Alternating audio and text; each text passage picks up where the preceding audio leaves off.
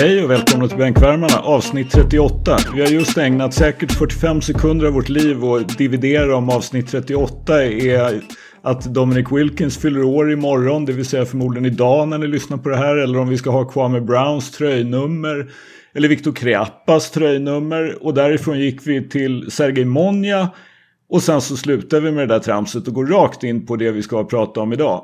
Hur är det med dig Adis?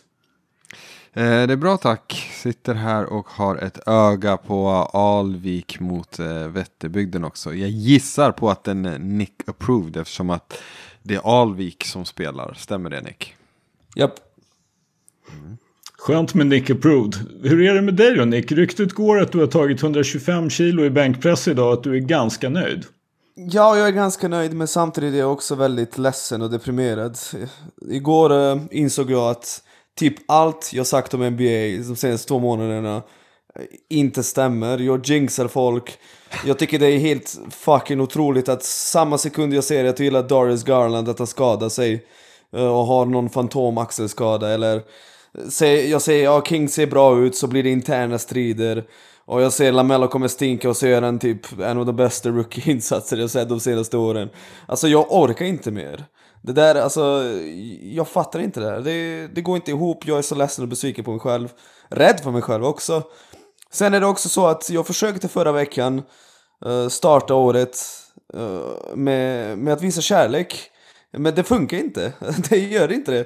För det första som hände var att typ Johansson och Stefan började provocera mig på sociala medier. Och då tar jag tillbaka det där, jag gillar ingen. Jag tar tillbaka att jag ska försöka vara kärleksfull. Stefan lägger upp en bild där det, det, min, gamla, min gamla tweet som bara hans boys från Upplands Väsby gillar, för de har aldrig sett en enda basketmatch. Där det stod ja, uh, uh, Luka Doncic är inte atletisk nog för att bli etta i draften. Ja, han blev ju inte etta i draften. Så jag hade rätt. Det, det är inget att lägga upp och garva. Och sen eh, samma med Johansson, han lägger upp en bild där ja, typ Nick gillar inte det här. Och så är det typ LeBron som är ett MVP, tvåa är Luka Doncic, trea är eh, Paul George. Ja, jag har sagt att Paul George är inte den ledande MVP-kandidaten.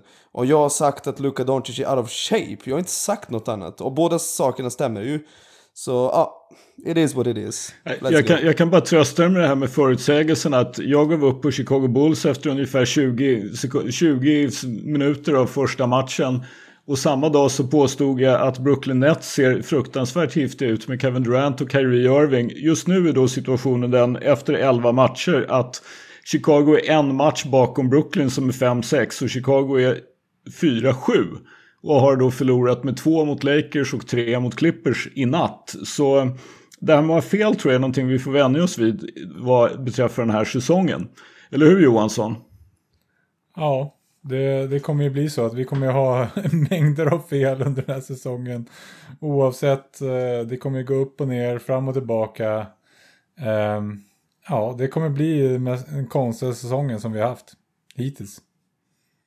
Ja, och då har vi bara sett början på eh, de problem man väl kan förutse med covid-19. De har ju precis börjat visa upp sig lite grann. Är det någonting kanske vi kommer att prata om sen, Stefan? Hur är det med dig? Eh, jag mår jättebra. Jag sitter och väntar in eh, Alabama mot Ohio State här. Eh, amerikansk fotboll, eh, för de som inte vet eh, vilka de där två eh, legendariska universiteten är. Så om det finns några som lyssnar på bänkli eh, bänkligan, herregud. Ni hör, jag har blivit så traumatiserad av vår fantasyliga att jag har börjat kalla vår podd för bänkligan. Men om det är någon där ute som lyssnar på bänkvärmarna som också kollar på amerikansk fotboll så kan de väl ändå höra av sig på Twitter. Eh, och det är faktiskt okej, okay, även om man inte kan allting eh, som eh, ja, men fotbollselitisten Niki Rajacic kan. Jag måste bara säga att jag tycker, du, nu ska vi ha en liten quiz här eftersom du quizade mig förut, Stefan. Vad är Alabamas smeknamn? Uff, jag har ingen aning, jag är helt grön. Jag har bara spelat amerikansk fotboll, men alla de där andra grejerna kan jag inte. Är, är det Crimson Tide? Nej? Bra i budgetlösningen Johansson, snyggt. Mm. Och det är alltså Crimson Tide ett så gammalt smeknamn att Steely Dan gjorde det ytterligare mer berömt i en gammal låt från 70-talet. Så vet ni det också. Den ska jag plåga er med Fina 70-talet. Jag, Fina 70 jag saknar också Woodstock-festivalen Skölden. Fast det var på 60-talet. Ja, jag vet inte. 60-70-talet på Tero på It's all the same. Stefan, ta oss vidare i programmet. Ja. Eh, det är såklart dags för bänka eller katta, men först vill jag faktiskt tacka den eminente coach Johansson för att han lämnar över den stora, stora klubban. Det är faktiskt en ära som enbart går att jämföra som jag tänder den olympiska elden och jag kommer att göra allt i min makt för att visa mig värdig tills ah, Andre Drummond vinner Defensive Player of the Year och jag tvingas hålla mitt löfte om att lämna podden. Men vi börjar med att ta tjuren i hornen. Den yngsta bollen blev historisk i helgen. Bänka eller katta? Bänka. Bänka. Den känns Bänka. given. Den yngsta bollen blev historisk i helgen. Han kom, han såg och han satte ett nytt rekord. Lamello Ball blev den yngsta spelaren någonsin att göra en triple-double med sina 19 år och 100 någonting dagar. Nick, är det dags att jag och du kryper till korset? Ja, ja det, det är dags tyvärr. Alltså jag, jag mår dåligt över det här om jag ska vara ärlig. Fy fan vad jag var off. Och eh, alltså, det jag inte förstår är just det där att han är så, ibland är han så löjligt högprocentig. Varifrån kom det där? Alltså han har alltid varit helt sjukt ineffektiv. Eh, Och jag, jag bara fattar inte de är, alltså varje gång han sätter ett skott så gör det ont i hjärtat liksom för att jag, jag kunde bara inte se det komma. Men sen ska jag också säga att alltså, jag hatar ju mycket på sociala medier men det är väl klart att du blir glad för en 19-åring som lyckas. Liksom. Jag vill att alla ska lyckas liksom, på ett sätt men jag var så investerad i att både han och Lonzo skulle bli floppade i draften för ni vet ju vad jag tycker om LaVar Ball och eh, jag tycker att eh, han själv är bara vandrande cirkus liksom och som beter sig riktigt vidrigt. Det där är inte en bra pappa oavsett vad andra säger, jag tycker verkligen inte det. Uh, men han lirar på och han spelar, alltså det är inte så att han bara sätter skotten utan nu sista matchen mot Atlanta, han spelar ju bra. När han är inne på plan då, då var de så mycket bättre liksom. Så, eh, mm, ja, det är väl dags att hoppa av det där hattåget men uh, vi får se, han kanske börjar missa igen. Who knows? Alltså, jag skulle kanske inte nödvändigtvis vilja beskriva det som något hat. Det är klart att det är kul att trolla och spinna vidare eh, på att man trashar en spelare. Speciellt när ens eh, ja, men, stolthet någonstans står på spel. Men eh, jag delar nog din åsikt om att eh, vi ska ta den där stoltheten, svälja den med en jävla massa vatten, krypa till korset och så säger vi faktiskt som det är. Lamello Ball är en bra spelare och han kommer antagligen bara att bli bättre och bättre. Exakt. Så uh, vi gör det nu eh, medan det, medans det fortfarande går och inte längre fram där vi riskerar att dö. Eh, någon mer som har något att säga om Lamello? Alltså, jag kan ju bara ta den här för Addis då eftersom Addis, Addis kan ju sitta lugn i båten. Han är ju den som har varit på. Men det fascinerande tycker jag det är ju det här att det känns som att han ganska fort har lärt sig just en hel del saker som jag också trodde att han, även om jag inte har varit lika investerad som ni, så jag var ju inte säker på att han skulle lära sig att hantera spelet på den här nivån så pass fort och faktiskt spela liksom inom sig själv och ganska smart och hjälpa laget så pass mycket som man gör. Och det, jag tycker man ser ganska stor skillnad redan nu. Alltså bara när han har spelat tio matcher jämfört när han hade spelat två. Det är lite fascinerande. Och när vi ändå är inne på balfamiljen. Ettan kom, tvåan försvann, trean vann. Eller något sånt där. G-League-draften äger rum i detta nu och ingen mindre än Liangelo Ball återfinns bland de potentiella pixen. Bänka eller katta? Cut. Katta. Katta. Katta. Så ni tror alltså inte att han blir draftad. Nåväl, Så bryr vi vidare. oss inte. vi bryr oss inte. Jag har ju, eh, för de som vet, reserverat mig på Twitter om att jag hela tiden trodde på Leangelo Ball. Så om han blir draftad i G-League, om han exploderar, om han hamnar i NBA, så är jag säker. Nåväl. Bradley Beal totalsågar laget. Vi skulle inte ens kunna spela försvar på en parkerad buss. Bänk eller katta? Katta. Katta. Ja, cut. Då kattar vi Bradley Beal och det historiskt sorgliga Washington Wizards.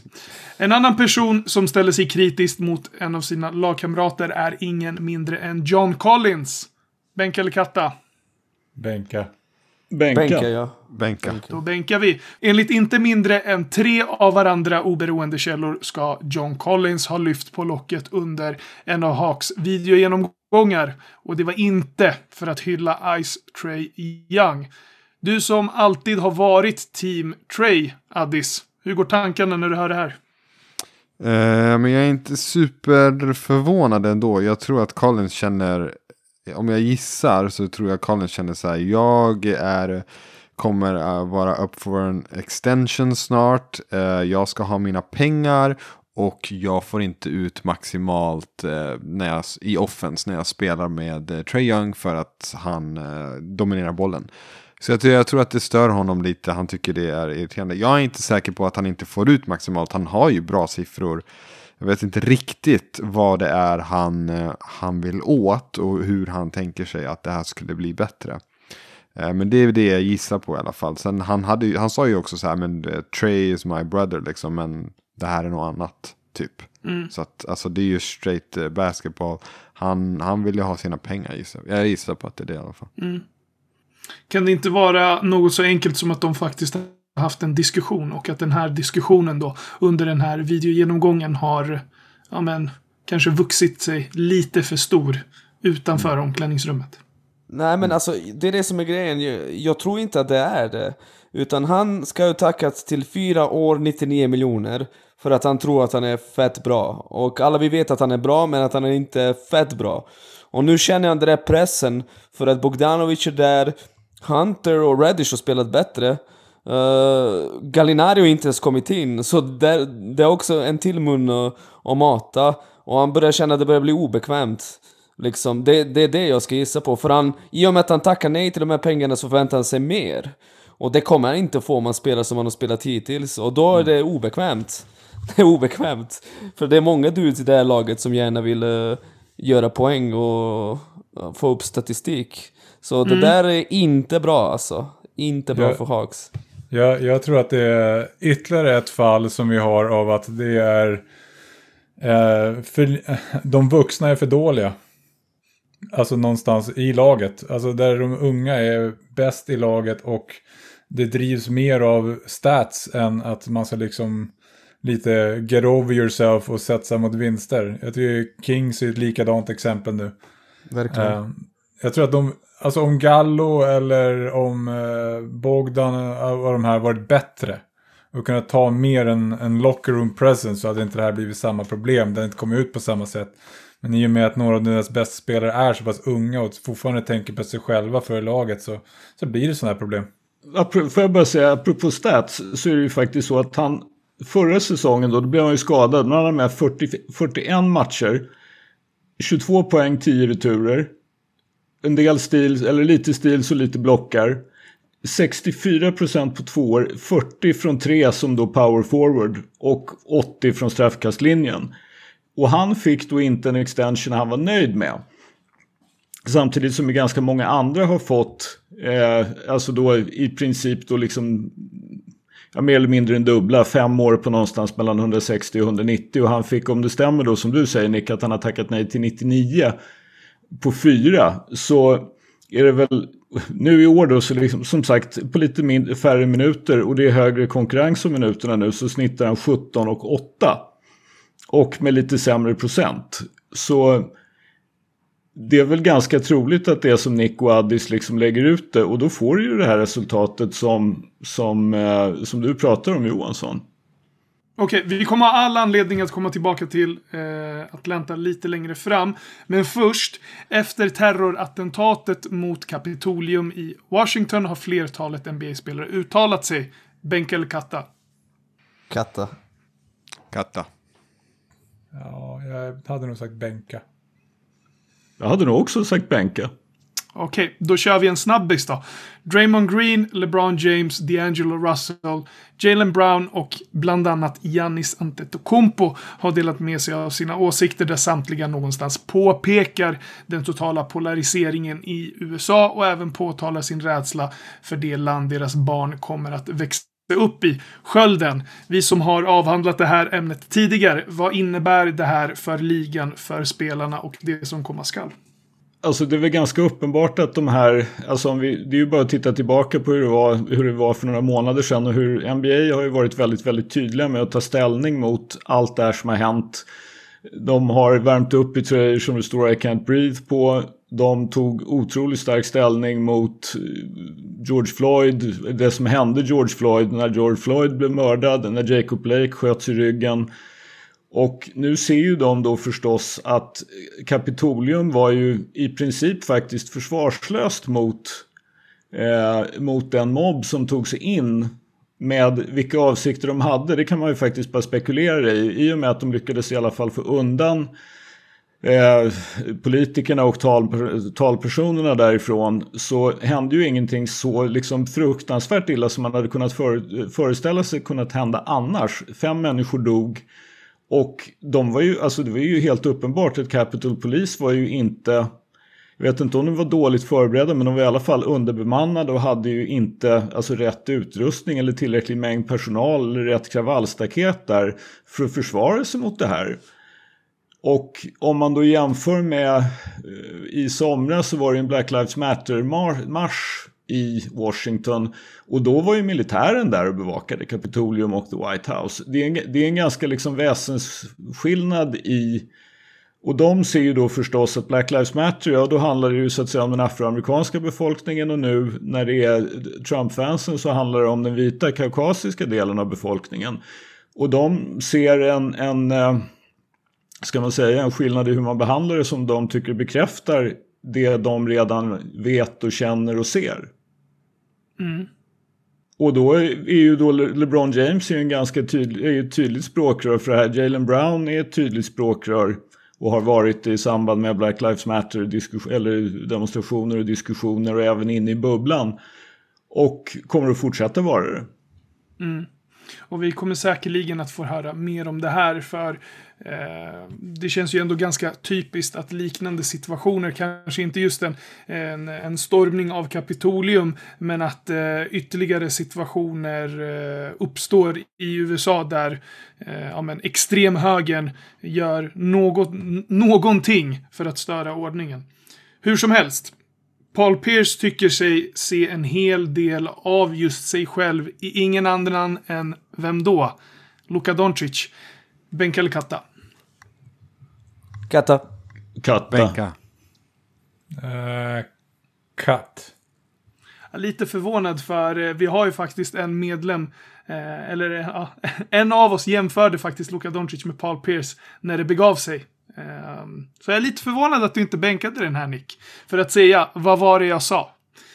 Men, vi går vidare till Atlanta då, för Carmelo Anthony svarar på LeBron James fundering om att dra ihop ett samman, en sammanslutning av människor med syfte att köpa Atlanta Dream. Bänka eller katta? Katta. Katt. Vet ni vad? Vet ni vad? Jag drar fram klubban nu. Ja. Så säger jag. Och LeBron James la faktiskt upp en bild på Twitter häromdagen med texten Tror jag kommer dra ihop ett konsortium för Dream. Vem är med? Hashtag Black Votes Matter. Varpå Carmelo Anthony citerade den här tweeten och, och skrev Låt oss prata, bror. Då undrar ni säkert varför Dream skulle behöva en ny majoritetsägare. Jo, den rådande är faktiskt Georgias republikanska senator Kelly Loeffler. Eh, och hon var inte alls pigg eh, på när, när Dreams spelare pratade om politik i bubblan. Och påpekade att eh, politik faktiskt inte hör hemma eh, i sport. Och efter den syrliga kommentaren så svarade inte bara Dream utan alla spelare i bubblan med att ha på sig eh, svarta t-shirtar med vit text där det stod Vote Warnock. Och Warnock är då Lofflers demokratiska motståndare. Som eh, vann valet mot Löffler, kan vi väl då tillägga. Löffler, Loeffler, ja, hon vann mot henne. Eh, och nu sitter då Kelly där med, eh, med 49 procent 49 procents ägandeskap. Och enligt rapporter så ska det vara LeBron James, Carmelo Anthony, Baron Davis och säkert ett gäng eh, andra människor också som då vill köpa loss henne och med det be henne dra åt helvete. Vad har du att säga Skölden? Jag tycker att det, det är ju... Ehm, det blir väldigt intressant ju fler spelare nu, som så att säga vill ta ägarskap av lag och påverka då både ligor och lagen och alltså hur de drivs och av vilka i en, en annan riktning än den som har gällt de senaste, vad det nu kan vara, 50, 60, 70 åren. Mm. Och att man är tydlig med det.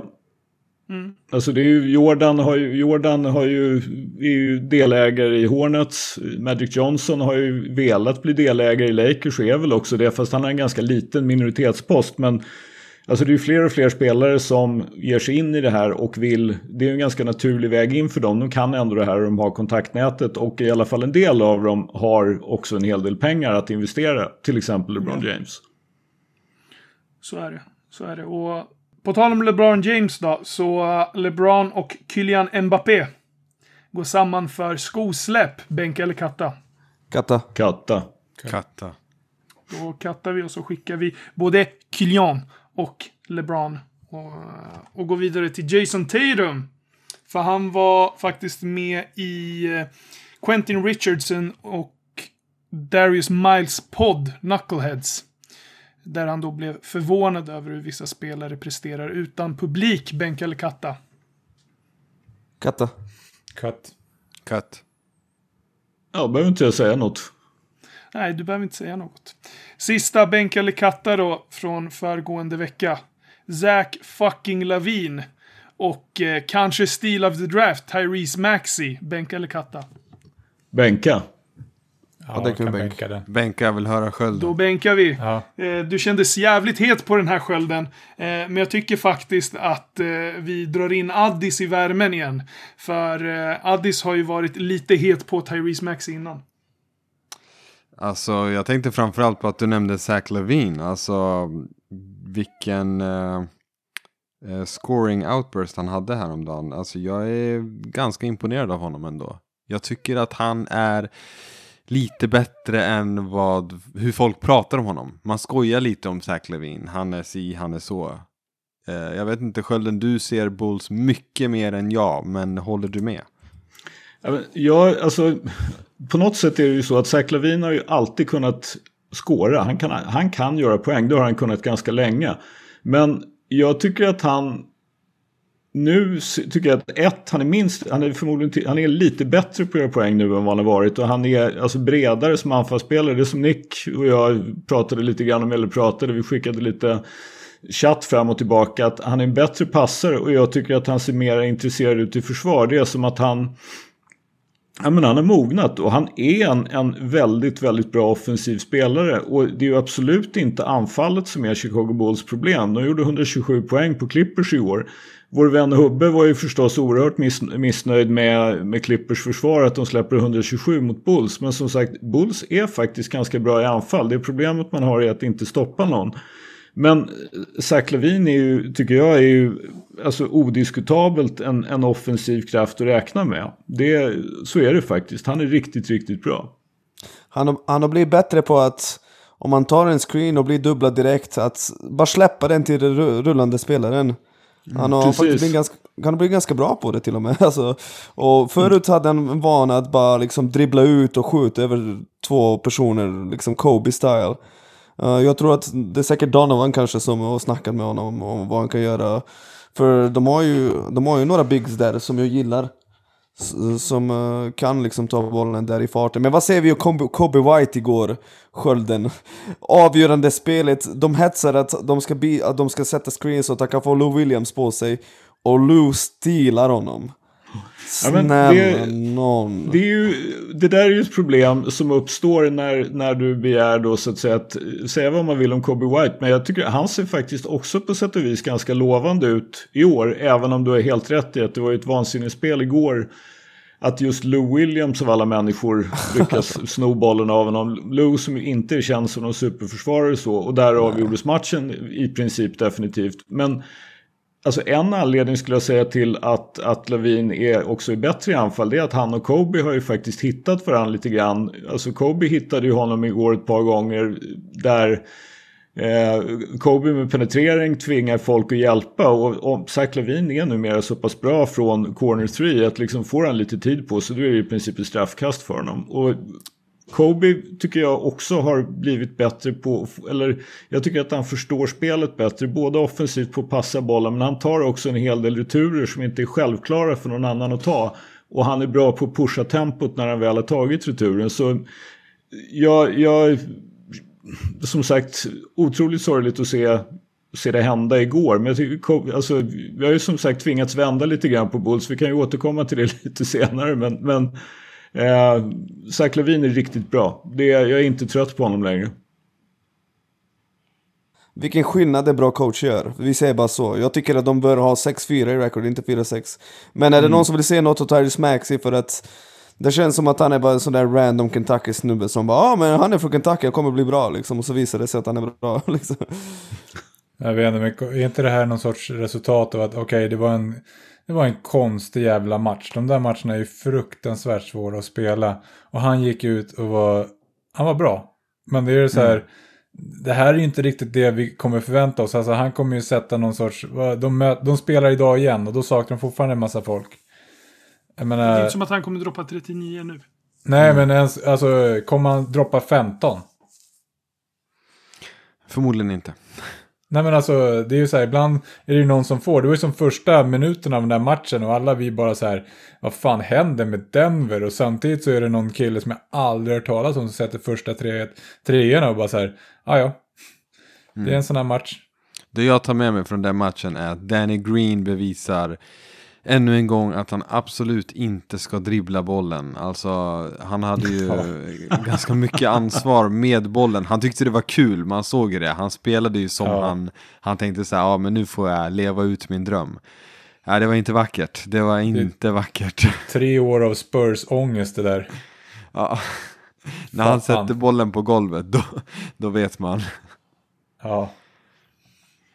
Men jag tycker att Maxi visar ju en sak till. Det är ju ändå, det är ju ändå just det här att, att det är lite grann som du pratar om det här med Mike James hela tiden Nick. Att Mike James skulle kunna spela i NBA och det skulle han ju förmodligen kunna. Däremot är det väl så att en anledning till att han inte gör det är att många tycker att det finns någon som är bättre på att göra just det som Mike James är bra på. Och det är väl risk att det är lite samma sak med Therese Maxi. Att får han liksom den här möjligheten och han bara tar den. Jag menar han kommer in som rookie i sin tionde match i NBA och ja, men vi är inget folk. Jag hystar 33 skott. Och det här är ju det som jag tycker om man nu, helt fantastisk insats att gå in och hänga 39 i sin tionde match. Men han har noll straffkast. Han skjuter 33 mm. skott och har noll straffkast. Det, jag det, tror det inte att vi kommer att få se Tyrese Max i den här säsongen göra liksom 39 poäng på ett produktivt sätt om du förstår vad jag menar. Ja.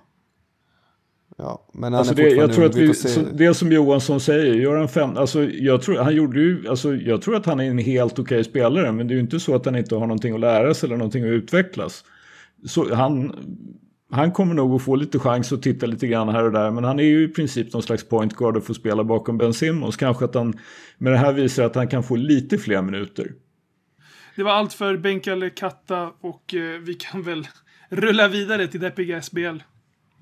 Nej, inte deppiga. Fantastiska SBL. Uh, eh, underbara SBL. Världens bästa basketliga. Eller världens Nick bästa approved SBL. Jajamän, jag älskar SBL. Alltså, en tanke slog mig faktiskt att uh, är Jämtland laddat med bra folk och Borås har ju ganska bred trupp, framförallt när Fredrik Andersson kommer tillbaka. Signa Luleå och Denzel och Norrköping ser bra ut och det ryktas om att Södertälje kanske tar en till spelare. Uh, då, är, då tycker jag att toppen av ligan är faktiskt lika bra som förra året. Jag tycker inte alls att det är sämre än någonsin Johansson. Uh, bara så du vet. Uh, Nej, botten tre. ja, botten är inte bra. I alla botten fall. Tre. Jaha, eh, uh, menar du så? Topp tre sämsta någonsin? Ja. Uh, kanske. Whatever. Uh, jag såg på matchen mellan Borås och Norrköping och uh, det var väldigt tajt och det är andra gången på två månader Norrköping vinner i Boråshallen i en väldigt, väldigt tajt match där Borås har uh, tvåsiffrig ledning. Jag tycker, alltså jag är imponerad av Norrköping, jag måste säga det. Jag tycker att de är bra. De är bra. De har jag tycker Tim Schüber framförallt är riktigt bra. Man märker att varje gång han sätter sig på bänken, de, de, har, in, de har inte alls lika bra flöde. Uh, men de har ju liksom en spelare som Terry Larrier som har, alltså helt ärligt, när det, gäller, när, när det kommer till poänggörande så har han jag vill inte se NBA-potential, men jävlar vilket högt tak han har. Hans skott ser underbart ut och han har bara massa moves i sin repertoar. Problemet är att han, uh, han är inte så bra beslutsfattare och inte alls bra i försvar. Uh, Kamau Stokes snittade typ 15 poäng per match på Kansas State. Det är ändå bra skola, han kan lira. Phil Carr avgjorde matchen uh, med sina två tre. Adam Ramstedt har spelat på MVP-nivå. Felix Stenings kommer in från bänken. Alltså de är ju de är bra. Norrköping är faktiskt förvånansvärt bra. Jag trodde inte det skulle vara så här. Och vi får väl berömma Mikko Rippinen ännu en gång. Han gör ett fantastiskt jobb. Uh, sen har det inte hänt så mycket annat där. Vi får se som sagt om eh, Luleå signar eh, Denzel, men eh, något som är bra är att isländska ligan verkar dra igång snart, så Alex Lindqvist kan börja jobba igen. Jätteroligt. Grattis Alex! I basketligan dam så ser vi på den här matchen mellan Vätterbygden och Alvik där Vätterbygden hänger med. Alvik visar ännu en gång att de inte Alltså Johansson, jag vill att du ska få det här jobbet. Vi, vi, får, vi får hetsa tills du, tills du får det här jobbet.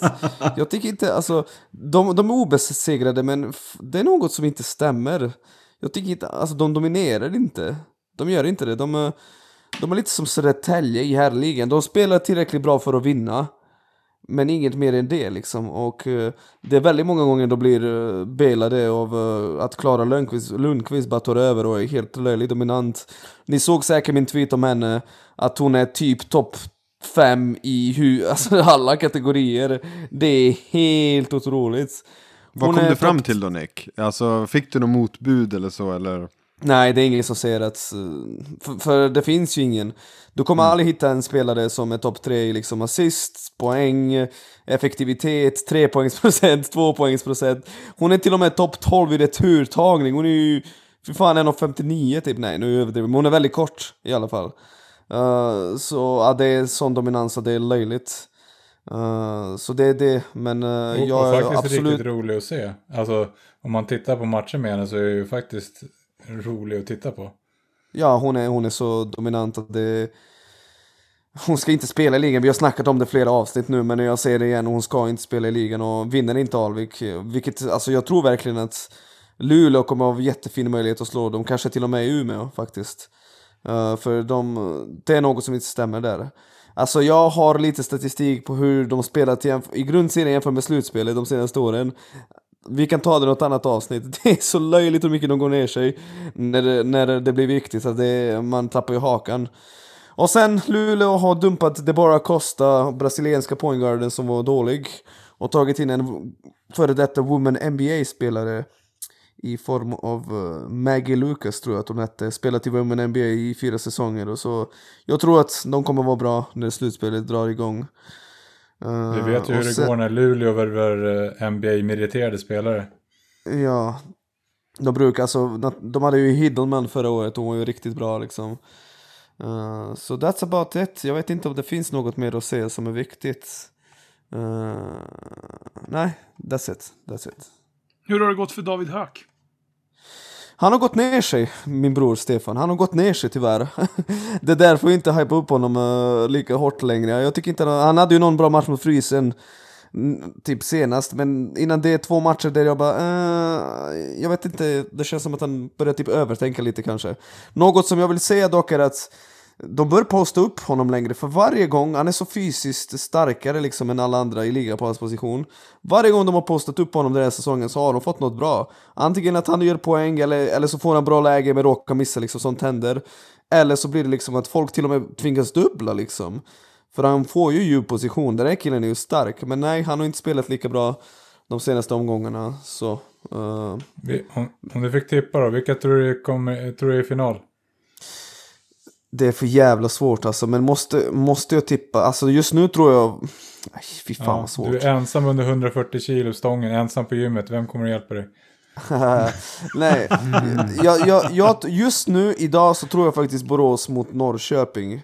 Men tar Södertälje in en till spelare så de inte roterar bara sex spelare, sex, sju spelare, då tror jag de har en jättebra möjlighet. Och eh, får Jämtland ihop det så har de också, alltså förstå, det är, det är så oförutsägbart den här säsongen. Och det är därför det är världens bästa liga, till, till och med före NBA faktiskt. Där blev du tyst av en anledning. ja. Men, Nej, men det eh, känns ju som ett, ett, ett läge då för dig att kliva in Addis. Vi har ju, du har ju lovat att vi ska få oss en Europakollen till livs idag. Det ser vi fram emot med tindrande ögon.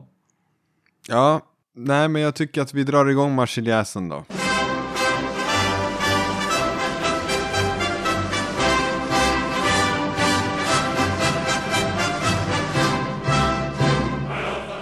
Yes, välkomna tillbaka då till eh, Europakollen. Det var ett tag sedan sist. Eh, men jag kände att nu var det ju dags. Jag pratade med en vän till mig, eh, Köpings Finest, eh, Allan Sekovic, som skrev till mig och sa jag väntar på Europakollen. Och eh, han har ju faktiskt rätt. Eh, det, det, det gör många. Så att jag tänker att vi kör en liten uppdatering kring vad det är som sker på den europeiska basketscenen. Och för våra svenskar där ute i Europa, eller några av dem i alla fall. Ska vi börja i Euroleague då? Det är väl den finaste turneringen Europa har. Eh, där hittar vi CSKA Moskva, Barcelona och Real Madrid i toppen. Eh, Moskva får väl ses som frontrunner just nu, hänförda av eh, Nicks favoritspelare Mike eh, James. Läste även till mig att december månads Euroleague MVP var Nikola Milutinov. Vet ni vem det är? Milutinov. Från CSKA. Kom igen. Vet du vilka Du som har s- draftat honom? Ja, det, han fick man googla och eh, klart att det var Spurs som hade draftat honom. Då. Såklart. Eh, Så jävla ty- alltså det visste man ju på långa vägar. Jag kollar alltid On direkt. brand Spurs. Ja, Lång europes. rights. Lång europes som kan passa bollen. Let's go. Ja, exakt. Johansson, har du någon inside på honom eller? Va? Alltså okej, då, då säger jag motsvarigheten. Hur länge sedan var det vi spelade en lång europé? Var det Vadå, Oberto har inte ni Jakob Peltel? jo okej. Men han får spela jättemycket. Men nu pratar vi alla de här Samanacic. Pau. Gasol. De får ju inte lira. Ja men Pau, han var ju gammal. Oberto. Men. Thiago Splitter, okej han är från Brasilien. Men ni har alltid haft Rasho Nesterovic, vad snackar du om? Alltså det... Ja, men vi, pra vi pratar om de här som vi har draftat. Hur många av de där har vi draftat? Okej. Ja, det är sant. Det, men den, eh, den här killen då, ah, han kommer ju inte eh, nå NBA nu då. Men, ehm, jag vet inte, vem är, eh, vem är deras bästa spelare, spelare i CSKA Moskva? Är det han eller är det Mike James? Vad säger du? Mike James såklart. Mike Okej. James, herregud. Okej, okej, okej. Det är ingen, det är ingen snack eller? Nej. Ehm, mm, vi kan väl ta en liten kort svensk koll i Euroleague också. Vi har ju två stycken där. Vi börjar med Chimkis, eh, säger jag rätt nu då? Chimki, visst var det så? Eh, Dalborn läxade upp mig. Eh, deras fiaskosäsong i Euroleague fortsätter. Hittar de i botten med endast två inspelade vinster efter 18 Det omgångar. är helt sanslöst. Bänkvärmarna undrar förstås hur länge tills coachen får dojan? Vad säger ni? Alltså, Nej men han, han kommer inte få dojan. Alltså jag vet inte om... Okej, det där berättade jag. hoppas att han inte lyssnar på podden. det där avsnittet. Men han sa ju till oss efter avsnittet att eh, ägaren älskar, uh, älskade Kurtinaiti som spelare. Och att han eh, liksom... De har ju sparkat alla hans assisterande och tagit in helt nya assisterande. Jag har aldrig hört talas om det innan. Som att de assisterande coacherna spelar, de är... Alltså fatta vilket bra lag de har också. De har ju Schweds, de har ju Jonas, okej Jonas har varit skadad nu. De har haft Greg Monroe som de har sparkat precis. Uh, Tima har de, de har CJ McCallums brorsa. Alltså det är ju ruskigt många duktiga spelare liksom, men de, de är ju tok sist. Ja, Det är ju pinsamt. Alltså jag kan tänka mig att Jonas kokar just nu och bara vill få den här säsongen gjord, sen är han out of there. Alltså men jag tänkte också på, alltså Sved nu, eh, ni, ni har, du har ju bättre koll, du rattar in det här. Men alltså är det tomma kalorier eller? För att jag ser hans siffror, men det blir ju ingenting av det. Alltså Nej, han verkar ju skjuta i varje anfall. Ja det är ganska, jag skulle beskriva det som tomma kalorier, även fast liksom när det funkar, så förra året exempelvis var Hinky helt okej, de var ju typ sjua, sexa, de hade ju gått till slutspel om säsongen hade fortsatt. Eh, så, men nej alltså det gröna ljuset han har det är ju nästan värre än Harden alltså, han kan ju Ja. skj- skjuta när han vill, hur han vill och det är pinsamt. Och Svede inte har den då. Men eh, nu när det pratas om att trupperna i NBA möjligtvis ska expandera på grund av covid säger jag bara så här. Över Atlanten igen med Jonas då, Jerebko, eh, vore ju trevligt. Ehm, Alba Berlin då, där har vi vår andra svensk då som huserar där. De är på 14 plats av då 18 totala lag med sju inspelade vinster. Det får ju ändå tyckas vara ganska bra med tanke på att laget har varit fullständigt decimerat på grund av skador. Jag läste till mig på någon tysk eh, sida då att eh, det var fyra stycken i startfemman som var borta skadade. Eh, Marcus Eriksson är en av dem som har varit skadad. Senast satt han faktiskt på bänken i tyska ligan men spelade ingenting. Eh, men han är väl på väg tillbaka då, kunde jag utläsa i Berliner eh, slash eh, kurirer.de faktiskt. Um, övergångar då jag noterade att eh, det har skett en som kanske är av intresse för eh, vår publik då. Petteri Koponen eh, ser ut att landa i Italien faktiskt efter två år i Bayern München. Eh, nya klubben då, Reggiana, Quiztime. Vad är den klubben känd för? Kobe Bryant har väl lirat där eller håller på dem. Boom, där har vi den. Ja, det är inte så man Palacanestro Reggiana. De heter något annat på grund av eh, spons. Okej. Jag vet Aha, något okej, hotell okej, typ. Hotell någonting.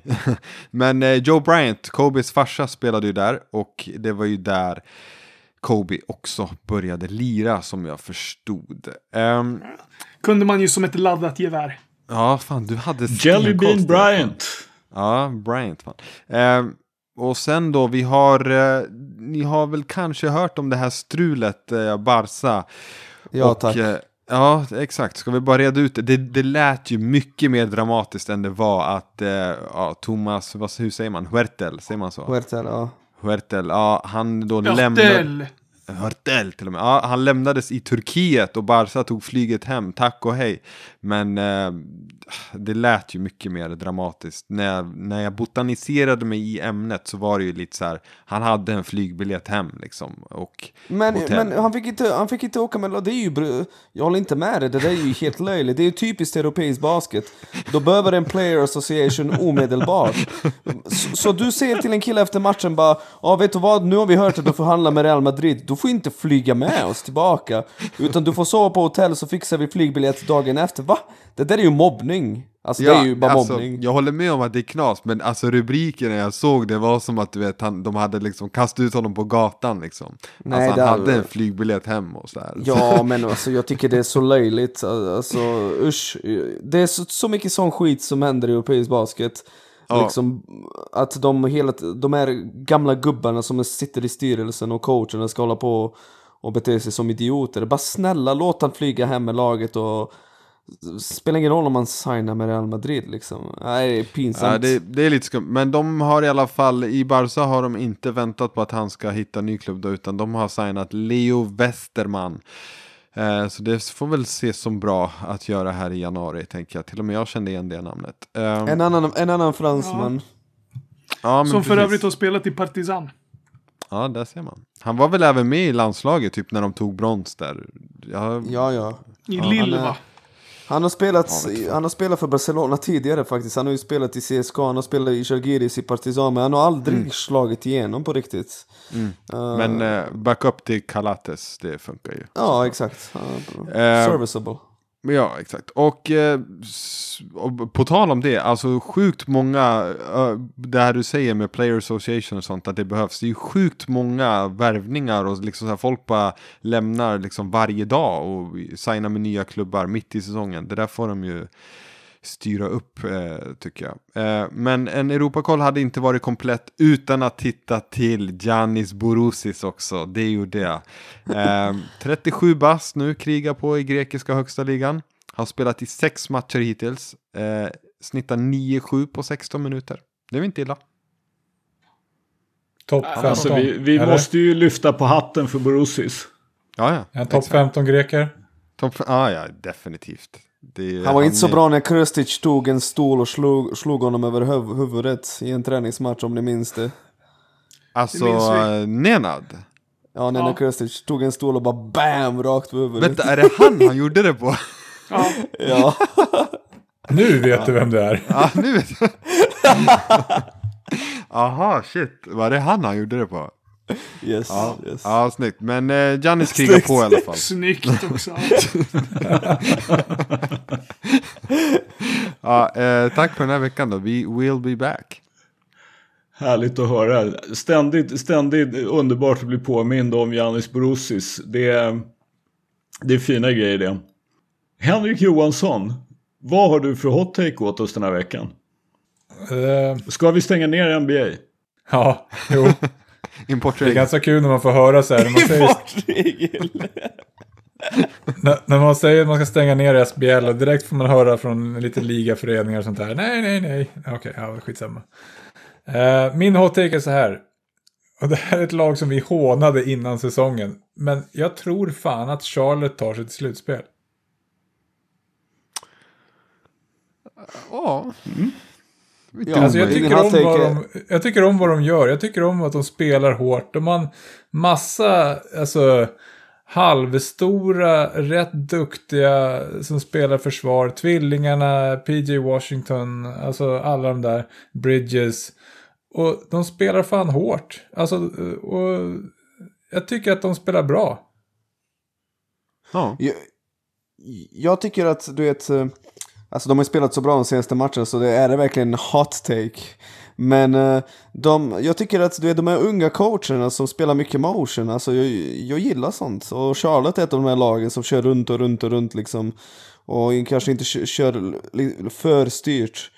Eh, och det gynnar ju ett sånt lag liksom. Eh, så jag har också blivit imponerad. Jag har sett nästan alla matcher och fan de spelar ju bra. De, de blir ju bättre och bättre liksom. Alltså just nu i tabellen bakom sig så har de ju både Miami och Brooklyn. Det Och även då Addis tips, Atlanta. Mm. Och. Toronto. Mm. Och nu ligger Men de på har ju Knicks och Cavs framför sig. Exakt. Men jag, jag tycker bara, jag gillar bara hur de spelar. Det är många lag som man kan titta på och bara så här, nej fan vad egoistiska de är, typ Pelicans. Eller, alltså vissa lag spyr man bara på. Men ja, fan, jag tycker ändå om att se Charlotte. Och man måste ju ändå säga att just nu är Gordon Hayward värd 120 miljoner. Faktiskt. Alltså, Han, jag hur skulle mycket säga vi att han är har värd hånat 30 det. i alla fall. Ja, men hur mycket vi än har hånat det så är det så här. Alltså, Charlotte är, jag tror att de kommer vara ett slutspelslag och Hayward är värd 30 miljoner i år. Och Lamello har en chans för Rookie of the Year. Mm. Ja, ja. Ingen såg det innan säsongen.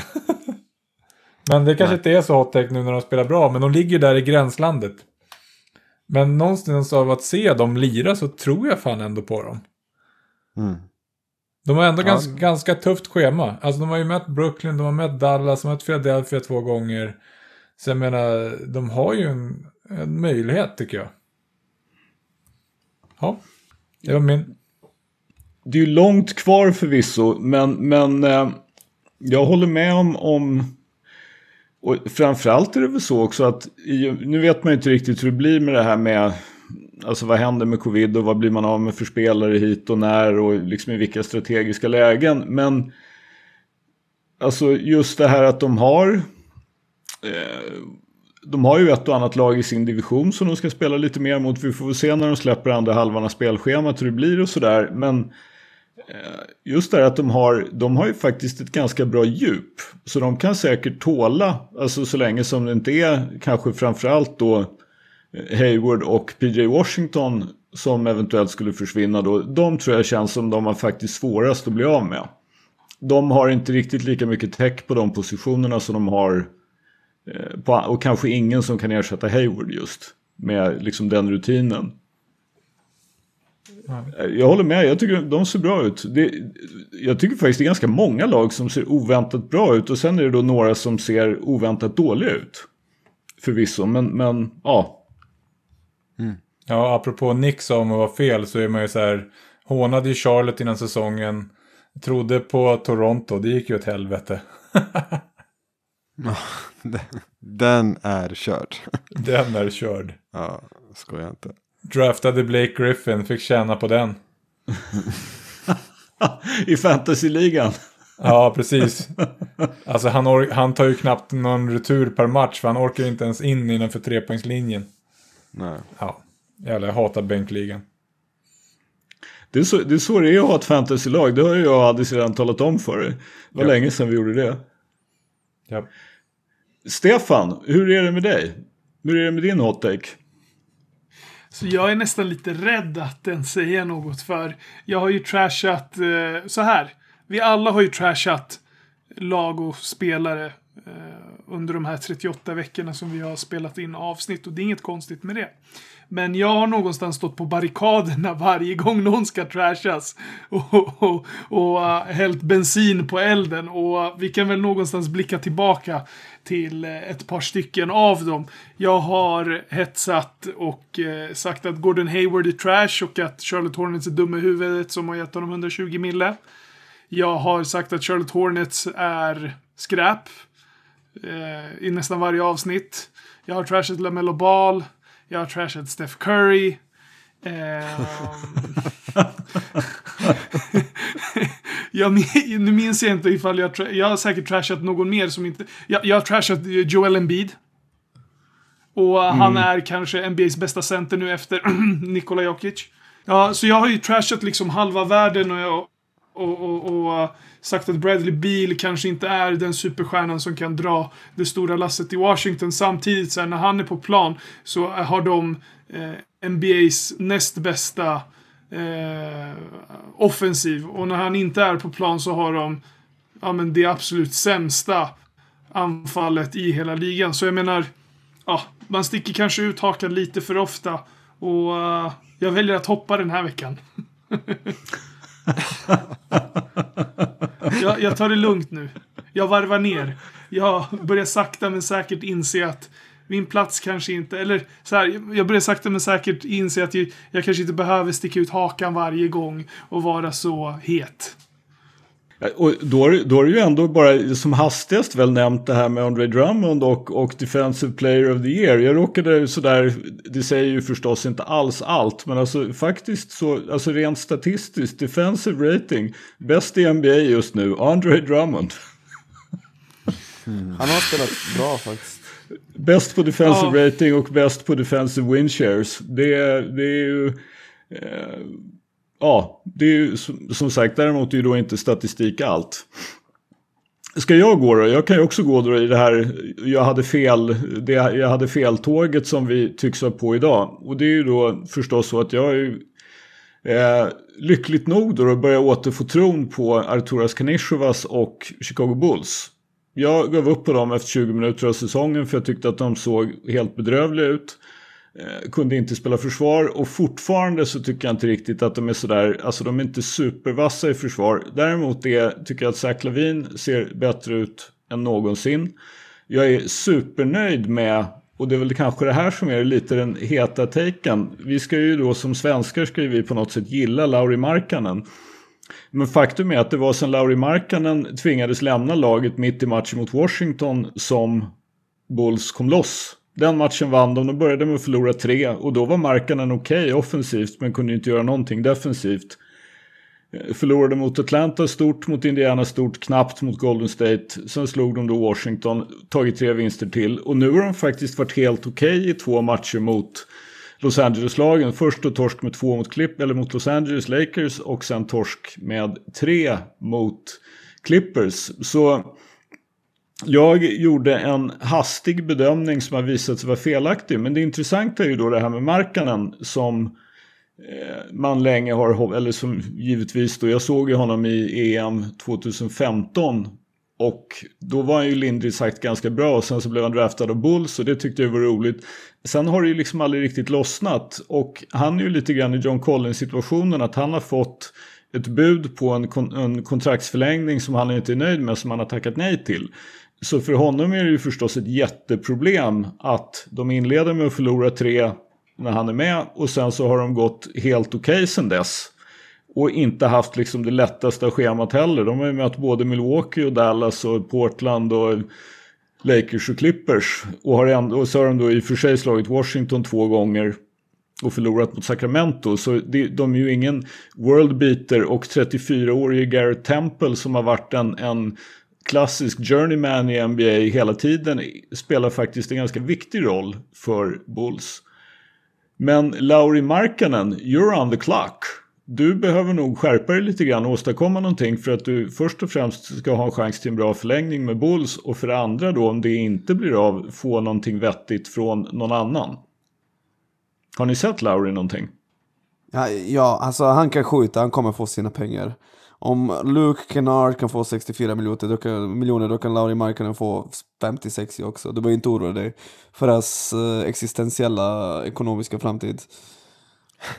Nej, men jag, jag, gissar att, alltså, utan, utan att ha en aning, alltså, jag, det har ju inte kommit fram, eller jag har i alla fall inte lyckats hitta några rykten om, om, eh, om vad han fick, så att säga. Men Eh, Eh, hans, hans qualifying offer då för nästa säsong det är 9 miljoner. Och visst, Canard fick som sagt 64 på alltså 16 om året i fyra år. Det, det är väl inte otänkbart men jag gissar att Markkanen fick någonstans i härdarna det också men tyckte att han skulle ha mer. Ja men det är väl ganska många som är oense vart de har honom. Hypen har väl dött av. Och det är väl inte konstigt att han tänker att han ska ha mer men ja som du säger, han måste ju bevisa att han ska ha mer. Ja, men för det, det, är ju, det, är ju lite, det är ju lite förmodligen samma sak som med John Collins. Alltså Karnishovas gör en bedömning att ja, men du, du är en bra skytt och du skårar 18-19 poäng per match och du tar 8-9 returer men hjälper oss att vinna matcher. Och det kan man ju faktiskt inte påstå att han gör. Eller i alla fall så det är ju inte bara hans fel förstås. Det finns ju andra spelare i det där laget också. Men Larry Markkinen, you're on the clock. Även om det är som Nick säger, det är klart att han inte kommer att behöva lämna NBA nästa säsong. Han kommer ju förstås att få ett kontrakt, särskilt som det verkar som det är rätt många lag som har sparat lite pengar och kommer att behöva lägga dem på någon. Men eh, ja, jag, jag har återfått tron lite grann på Arturas Kanishova, så jag skäms för att jag tvivlade lite grann ens en gång. Men en, en fråga bara på Arturas. Varför, eh, alltså ni får skola mig lite för jag har inte så bra koll. Varför eh, denna respekt? Varför denna liksom Holy för, för, för det första för att han var en bra spelare för och i Litauen och en smart spelare. Och sen för andra då att han ju har gjort eh, han har ju varit liksom en, en, viktig del av Denvers front office som vi har både draftat bra och alltså varit ganska bra på att så att säga få ut liksom vettiga kontrakt och, och faktiskt inte drafta så tidigt heller men ändå hitta en massa bra spelare.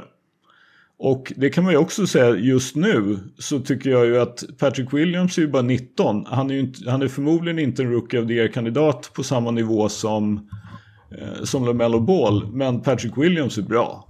Han alltså är det, bra, det är en riktigt bra spelare. Han är bra. Han är bra. Han är bra. Och det, ah, det är ju också... Undrar. Ja. Men det, det är ju det. Och, men sen är det ju förstås också liksom. Alltså du hade ju nästan kunnat komma in med, med jag höll på att säga en påse smutstvätt istället för Garpax och alla Chicago-fans hade ju liksom blivit religiösa av lycka. Så det är ju förstås det också. Ja, nej men så är det ju. Såklart. Såklart. Och vem, vem som helst av oss hade kunnat göra ett bättre jobb än Jim Boylan. Oh. Risken finns. Så är det. Så är det. Coach Johansson hade ju golvat honom. Liksom. Ja, Lätt. coach Johanssons barn skulle golva honom. Oh, please, ska vi gå vidare för Chicago Bulls nu? Jävlar. Ja, Nick, kör du då. Ja, typ tre hot takes. Eh, två är väldigt korta. Så en av dem är att Draymond Green kanske inte är tvättad, men han är i tvättkorgen på väg mot tvättstugan. Definitivt. Snälla någon. Alltså, ja, han är ju fortfarande smart och så. Men titta inte på Golden States record. De har haft tur. De har ju satt en buzzer beater. De vann med en poäng igår. De har ju haft sex imorgon ska de spela sin sjunde hemma raka match. Så vi får chilla lite på Golden State. Min andra hot take är att uh, vi kommer se Haleys komet innan Jimmy Butler sätter nästa trepoängare. Uh, så det, kom, det kommer ta lite tid. Det kommer ta lite tid innan han... För just nu kastas det bollar lite överallt. Uh, och min tredje hot take är att det skulle vara väldigt pinsamt för NBA om LeBron James skulle vinna MVP. Han är min favoritspelare, och ni vet hur mycket jag älskar honom och så vidare. Uh, men Alltså det var ju en sekvens igår mot Houston, alltså jag kunde inte fatta vad han håller på med. Alltså först gjorde han en jättekonstig move i stil med typ Kyrie Irving. Och sen dribblar han bollen till hörnet, står still i typ tre sekunder och sen tar han en fadeaway trea. Man bara... Va?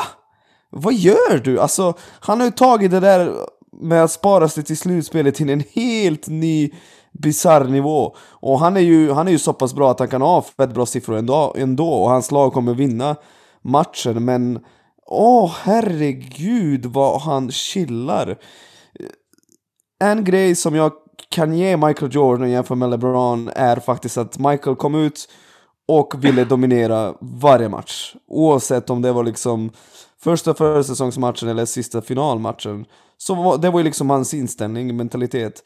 Så jag vet inte riktigt vad jag tycker om det här med LeBron, för jag vet att han tänker long run, han vill spela tills han är typ 50. Eller kanske inte 50, men i alla fall 42, 43, det vet man.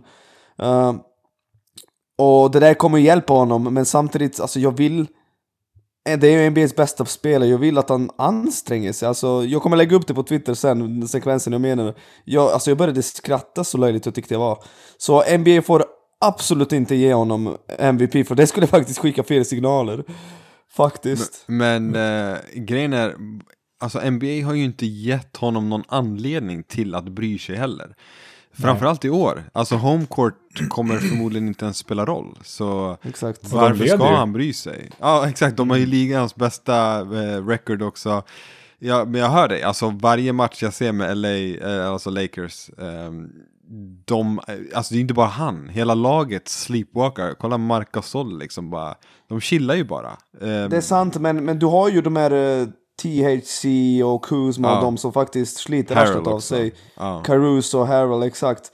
Men han, alltså han joggar ju offensivt. Mm. Defensivt, han står alltid med raka ben. Alltså det, han har ju verkligen tagit till en helt ny nivå. Ja, men alltså, vi, vi har ju problemet i MVP, eller problemet i MVP-racet att, att de spelarna som har spelat riktigt bra, deras lag har ju inte varit bra. Exakt. Men däremot så har vi Los Angeles Lakers då som ligger i toppen. Som, alltså, någonstans så är det så här, man vet ju att det är något topp 3, topp 4 lag som kommer få MVP. Och just nu ligger LeBron där, även fast han har sämre siffror än på länge och inte bryr sig och inte... Jag menar, om Jokic, resten av... Om Jamal Murray och resten av grabbarna skulle bry sig lite mer så skulle Jokic ligga längst upp på den här MVP-röstningen. Men det kan man ju inte när de går så dåligt. Nej, det stämmer. Du måste ju i alla fall ha ett winning team. Alltså... Ja, men det är ju det är bara att titta runt. Alltså alla spelare som typ är... Alltså Bradley Beal har ju en fantastisk säsong, men hans lag suger. Alltså, du mm. har Luka nu som har börjat spela bra, men det är fortfarande så att Dallas är inte bra än. Alltså du har flera sådana där. Eh, som... Det blir bara, du kan inte ge dem MVP bara för att de är bra. De måste ha ett lag som går bra också. Ja, det fanns ett undantag och det var när Westbrook vann, eh, när OKC vann 47 matcher. Uh, fy fan. Men de, alltså, de gick i alla fall till slutspel. Ju, ja, Westbrook är ju tvättad nu. Han är ju... Ja, jag tycker, jag tycker... Jag skrattade så mycket när jag såg att Avdi hade 25-5-4. När liksom Westbrook och Bill inte är med. Alltså de har gjort honom till en spot-up shooter. Det är ju en kille som behöver bollen. Snälla ge honom bollen lite. Han kan ju lira, men det går ju inte när de är två turas om liksom. Ja, men nu är Westbrook officiellt i tvättmaskinen. Om vi säger så här då. Vi vet ju det, svaret på den här frågan. Men med hur mycket vann Rockets-traden eh, mot Wizards? Ja, de med tanke på Otroligt nog. Wall är bra som fan. Wall är ju, alltså... Han har varit... Wall är en bra point guard liksom. Är han det kanske en... topp 10 PGs nu? Ja, definitivt. Nej. Jo. Är han det? det är... ja. Ge mig 10 stycken som är före honom, Nick. Okej, okay, det där är ju den enklaste uppgiften jag någonsin fått. Okej, okay, men ge mig 10. Jag kommer räkna. Okej, okay, ge mig okay. en. Uh, Steph Curry. Två. Okay. Kyrie Irving. Tre. Chris Paul. Fyra. Jamal Mo uh, John Morant. Fem. Uh, Jamal Murray. Alltså, nu är du ju redan och snurrar. Okej, okay, What? Sex? Okej, okay, vänta, vänta. Vänta, sex. Dame Lillard. Okej, okay, sju. Ja. Uh, på plats nummer sju, damer och herrar, så har vi Goran Dragic. Nej, sluta. Luka Doncic då? Luka Doncic, just det. Ja, okay. åtta. De'Aaron Fox då? Nej, det, Nej. de är... Nej, nej, nej, nej, Fox, nej, nej. jag har blivit så besviken på honom. Alltså han är ju... Han är ju stat chaser. Lamello Alltså, Ball. Det här, det här börjar bli lika legendariskt som 15 greker. Det här måste vi göra oftare. Trae Young. Ja, alltså, Trae Young, just det. Trae Young. ja, Trae okej. Young. Ja, men åtta då. Ja. Jag vet Men det var ju åttonde. åtta. Ja, det var åtta. Okej, nio. Uh, Ja, Clippers har ingen point guard. ben Ja, Simmons. men, ben men Simmons. sluta. Oh, Alltså. Ben Simmons-båten! Ja, men han är ju bättre än John Wall. Alltså snälla någon. Okej, tio Jo, då. jo, vi har bara Drew Holiday. Simmons-båten. Och sen Nej. till 10 har vi Drew Holiday. Så, klara. Alltså, av de tio så finns det två stycken jag inte köper. Vilka? Eh, vilka fan var det nu bara för det? Nu glömde jag bort. Säg inte Men- Jamal Murray, för Jamal Murray eh, var- snittade typ 37 poäng i någon slutspelsserie nyss. Ja, ja. Förra säsongen. Det var ju tre, tre månader Vi Butler. sedan. snackar ju, vi snackar ju topp säsongen. 10 PGs nu. Alltså, ni vet att John Wall, och jag har koll, han är i mitt fantasylag, okej, då grottar man ner sig. Alltså, han är 25-5. Ja, Ja. alltså det är löjligt. Han, Vi han, spelar med Harden. Ja, han har varit Med bra. Han har varit bra. Ja. Men Ja, ja. Skitbra. Fox har ju bättre stats än honom. Jag tycker inte att han är Jag tycker inte Fox har varit bättre. jag tycker John bara- Wall förtjänar topp 10. Kan vara gränsfall. Han är också en någon. Jag- mycket bättre defensiv point guard än eh, ja, de flesta Alla på den typ. här listan. Ja, i princip alla. Han är James. Harden. Point guard. Nej, jag skojar. Okej, hot take. Lyssna gubbar, hot take. John Wall är en av, om inte den, bästa tvåvägs-PG'n i NBA just nu. Nej, nej. Jo. Då får vi se vad vi har för, vad vi har för definition på, på PG i och för sig. Jag menar teoretiskt kan man väl argumentera. Ja, i och för sig nu är inte LeBron PG för nu spelar de Schröder. Men ja. Det är Ben Simmons. Låt, mig- låt mig ta en titt på Kyle Lowrys stats. Du kan göra det och så kan du återkomma nästa avsnitt. 19 1957 baby. 1957. Nej, John Wall är mycket bättre än eh, Kyle Lowry just nu. Nej alltså John Wall har överraskat. Han har varit bra men nu ska vi inte överdriva och säga, alltså de är, vad är de? 3-8 typ. Alltså kom igen. Okej, ännu, ännu, en het, ännu en het, ja den här kanske inte är lika het, men ännu en, en hot take. Kan John Walls comeback vara den bästa någonsin? Sett Kevin till Durant? vilka skador han har haft och hur lång tid han har varit borta. Grant Hill kom ju efter några år och var All-star. Det tyckte jag var jävligt mäktigt. Han var ju typ borta tre Det år i var mäktigt, sen- men han var ju en, lite av en bluff All-star också det året. Okej, han Ja, han men var John Wall starter kommer inte vara. All-Star i år. Ja, nej, nej, nej, ja, nej, nej, men han använde All-star-grejen. bara. Zydrunas! Sidruna.